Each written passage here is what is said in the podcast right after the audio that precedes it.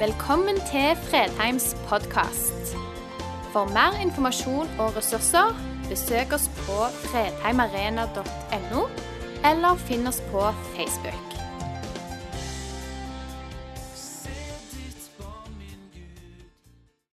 Takk for at vi får eh, komme tilbake hit til Fredheim vi, fra bymenigheten. Det er alltid en fest å feire Jesu oppstandelse sammen med dere. Har tanken slått deg noen gang? Om jeg bare kunne ha skrudd klokka tilbake. Vi skrudde klokka fram en time natt i går, og vi skal skru den tilbake en time til høsten. Men jeg mener på ordentlig ta tida tilbake. Om så bare om så bare noen minutter. Vi nordmenn vi er nesten sykelig opptatt av tid, av å få kontroll på den. Vi vil så gjerne ta kontroll over kalenderen. Vi er ikke så mye bedre i kirka. I bymenigheten så innledet vi dette semesteret med å snakke om kalenderen, om å eie den og ikke la den få eie oss. Gjøre kalenderen til vår visjonsbærer.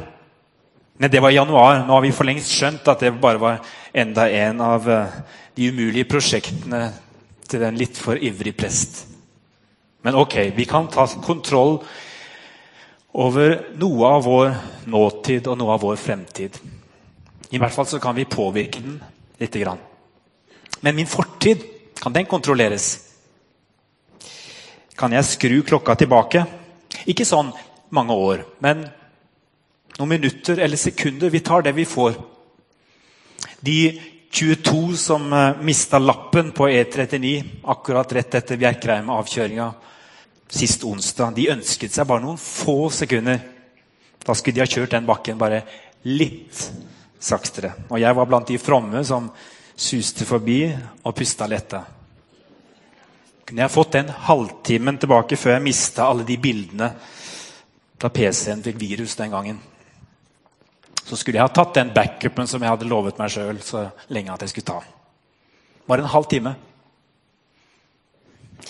Av og til så ligger jeg våken og tenker på hva jeg har gjort mot andre. Hvis jeg bare hadde valgt litt andre ord, reagert på en litt annen måte, tenkt meg litt mer om. Guds nåde overrasker stadig. Relasjoner som jeg trodde var uopprettelige, synder som jeg trodde var utilgivelige. Gud kan slette harddisken sin, så han i hvert fall ikke husker hva vi har gjort eller sagt. Glemselens hav, sa de i gamle dager. Det er ofte verre med oss mennesker. Jeg har sett de som har klart å, å gjenopprette harddisken og reparere det som var ødelagt. Ikke bare på PC-en, men også i relasjonen mennesker imellom. Guds nåde kan være en mektig kraft. Men av og til så er det døden som overrasker oss. Og da er det ingen vei tilbake.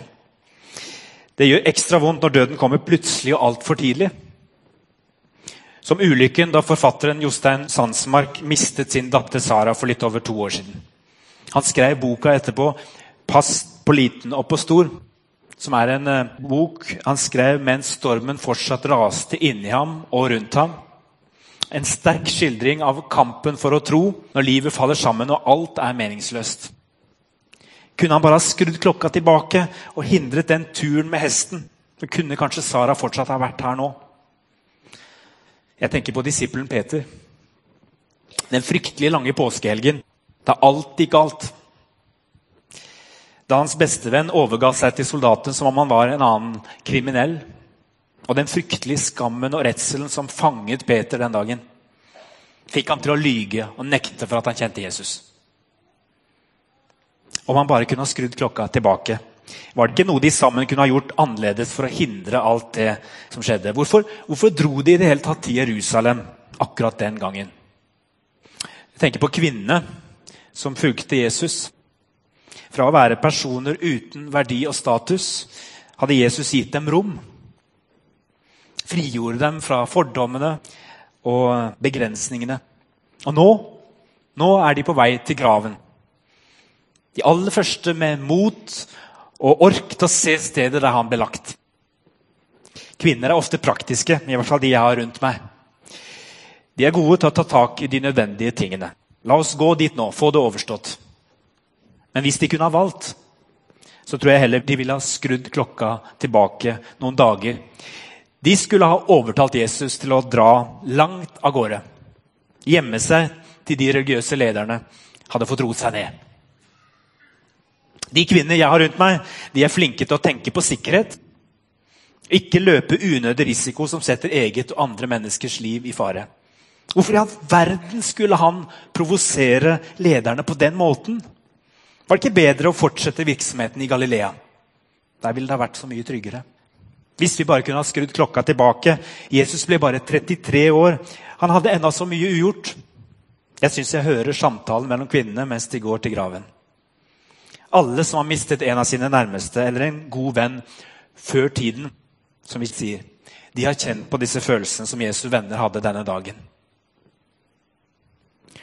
Og Noe av det første pårørende begynner å tenke på, er hva de sa og gjorde rett før deres kjære døde. Visste han virkelig hvor glad vi var i han? Eller gikk dagene så fort at vi glemte å si det? Til døden skiller dere ad, sier presten i ekteskapsinngåelsen. For døden er det ingenting å gjøre noe med. Den skiller oss ubønnhørlig. Jeg er ikke så redd for å dø, men jeg er livredd for å bli alene igjen. Forlatt av den eller de som jeg elsker mest. Jeg har sluppet å gå gjennom en så smertefull adskillelse som Jesu venner kjente på den søndagsmorgenen. Men jeg tror jeg kan forestille meg hvor fryktelig det må være. Det er bare i fiksjon det går an å reise tilbake i tid. Det er ikke mulig å skru tiden tilbake og gjøre om på det som gikk galt, og hindre en ulykke. Filmskapere de elsker å leke seg med tanken. Men du og jeg vi lever bare én gang her på jorda. Bare én gang. Fortiden den kan vi ikke gjøre noe med. Men i dag har jeg nyheter til dere som enhver nyhetsreporter ville ha gått langt for å sikre seg. Idet kvinnene kommer fram til graven denne søndagsmorgenen, har noe skjedd som har kraft til å forandre ikke bare disse kvinnenes nåtid og framtid, men hele menneskehetens historie. Naturlovene de gjør det helt umulig å reise tilbake i tid, og i møte med døden gir ikke vitenskapen oss noe valg. Den som har passert dødens grense, kommer ikke tilbake. Men Jesus Kristus, Guds sønn, sprengte naturlovene da han kom tilbake fra døden. Englene sa til kvinnene, 'Hvorfor leter dere etter den levende blant de døde?' Han er ikke her. Han har stått opp. Hvor var Jesus? Det var ikke det at han hadde skrudd klokka tilbake. Det kunne Guds sønn ha gjort hvis han ville. Men Jesus hadde ikke til hensikt å annullere sin egen død. Gi seg selv en ny sjanse til å stikke unna. Nei, han måtte dø. Englene forklarer det. Husk hva han sa til dere mens han ennå var i Galilea. Menneskesønnen skal overgis i de syndige menneskers hender og korsfestes. Og den tredje dagen skal han stå opp. Jesu død var trist, men det var ingen ulykke. Det skjedde med hensikt. Det skjedde for å frelse oss. Både disiplene og kvinnene de hadde hørt ham snakke om sin død, men de hadde ikke forstått. Nå, nå springer kvinnene og forteller det til de elleve apostlene. De aller første misjonærene var kvinner, ifølge evangeliene. På den tiden så er dette oppsiktsvekkende. For kvinner var ikke regnet for å være troverdige vitner. Heller ikke apostlene tror dem med en gang. De mente det hele var løst snakk, står det. For all ettertid gjør dette bare historien mer troverdig. Jesus valgte å vise seg først for kvinnene. Hvis noen skulle ha funnet dette opp, så ville historiefortellerne garantert ha valgt menn som de første sannhetsvitnene. Men Jesus må ha visst hva han gjorde. Han stolte på at disse kvinnene ville forvalte det de hadde sett, på en klok og fornuftig måte.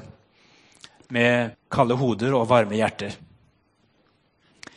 Noen minutter tidligere drømte de om å kunne skru tida tilbake og forandre på hendelsenes gang. Nå, i dette øyeblikket, går det opp for dem at alt dette måtte skje.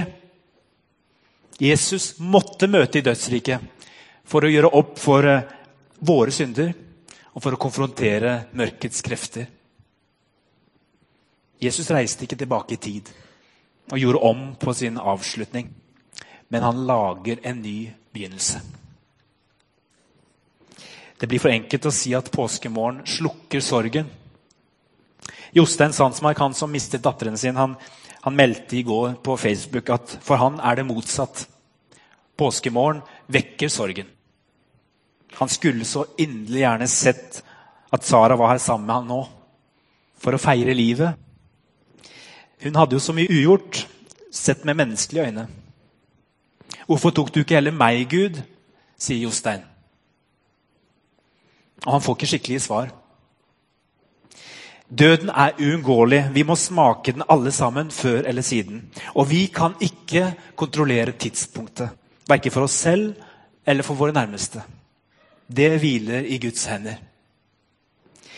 Men noe endret likevel fullstendig historiens gang den første påskevåren. Døden er ikke lenger et punktum. Døden er et eh, kolon. Det kommer mer. Vi er bare mennesker, så for oss kan døden fortsatt være grusom. Sorgen slukkes ikke av påskemorgen, men påskemorgen setter et kolon etter døden. Og den setter livet i perspektiv. Er du klar til å la englene åpne øynene dine for den nye virkeligheten? Den egentlige virkeligheten. Sånn som de gjorde med kvinnene ved graven. Da får du et evighetsperspektiv på livet. Den Jesus som kom tilbake, var en forvandlet Jesus. Apostelen Paulus han forklarer i 1. Korinterbrev 15 at Jesus ikke er den eneste som skal stå opp igjen. For slik alle dør pga. Adam, skal alle få liv ved Kristus. Men hver i sin tur. Kristus er førstegrøden. Deretter, ved hans gjenkomst, følger de som hører Kristus til. Det som skjedde med Jesus, var altså ikke bare et unntak fra naturlovene. En engangshendelse. Nei, dette er den nye regelen som slår beina under alle påstander om at vi mennesker bare lever noen år på jorda, og så er det over. Klokka ble ikke skrudd tilbake på påskemorgen, så vi kunne slippe unna sorgene og smertene og gå utenom alt det vanskelige. Men vi fikk et bilde av vår egen framtid. Og det bildet det setter synd og sorg og smerte i et annerledes lys. Hvis vi våger å slippe det lyset til. Forfatteren Philip Yancy han sier at det finnes to måter å betrakte menneskehetens historie på. Vi kan feste blikket på volden, på alle krigene, på alle ulykkene, på alle sykdommene, på ondskapen. Da er alt håp ute. Men med en sånn visjon så blir påskedag egentlig bare et unntak fra regelen. En fantastisk drøm, et eventyr, kanskje en trøst midt i alt det vanskelige. Vi kan velge å ta utgangspunkt i det som skjedde i påsken, som en annen måte å betrakte verden på. Som en annen måte å se menneskehetens historie på. Hvordan ser det ut da? Vi kan velge å ta utgangspunkt i det som skjedde i påsken, gjøre det til et prisme som alt lys brytes gjennom. Som alle hendelser ses i lys av. Det blir helt annerledes. I påsken åpenbarte Gud hvor høyt han elsket verden. Og hvordan han ønsker å gjenskape alt og alle som sviktet underveis. I lys av påsken så er det menneskehetens historie som er det store unntaket. Tenk litt over det. I lys av påsken så er det menneskehetens historie som er det store unntaket. Påsken foregriper den egentlige virkeligheten. Vi ser den ikke, iallfall ikke hele tiden, men det betyr ikke at den ikke finnes. Det er som magmaen som flyter et sted under jordskorpa vår. Uante indre krefter i bevegelse. Oppover, utover. Magmaen kommer kanskje ikke så ofte til overflaten her hos oss. Det er langt mellom vulkanene, helbredelsene, Lasarus-øyeblikkene. I alle fall i min verden. Det flyter liksom ikke av lava her hvor jeg bor. Kan du huske sist Sandnes slo ut på Richters skala? Med så tykke jordlag så kan vi fristes til å tro at den usynlige magmaen ikke finnes. At det er bare overtro. Det er vanskelig å tro på det vi ikke ser. Men magmaen er virkelighet.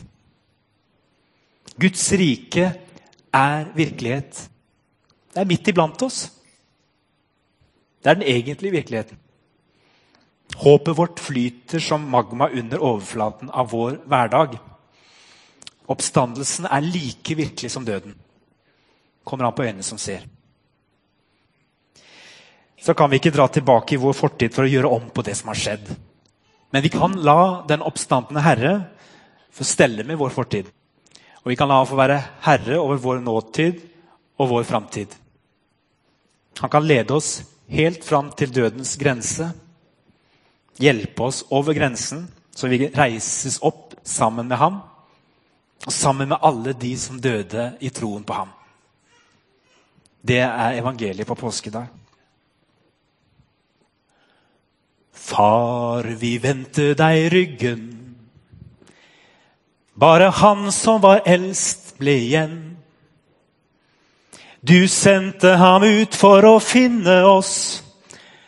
De tok ham hans overmenn. Bror, du stønnet av smerte da nagler slo inn i din kropp. Mysteriet gjemt i din kjærlighet omsmeltet smerten til håp. Om du blåste inn livspust i han som lå kald i en grav. Da skrek mørkets krefter i bunnløs angst, fordrevet av åndens krav.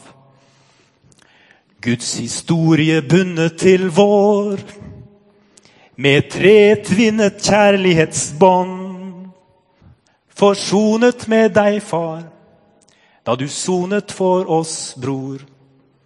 Fikk vi livet igjen, Helligånd. Amen.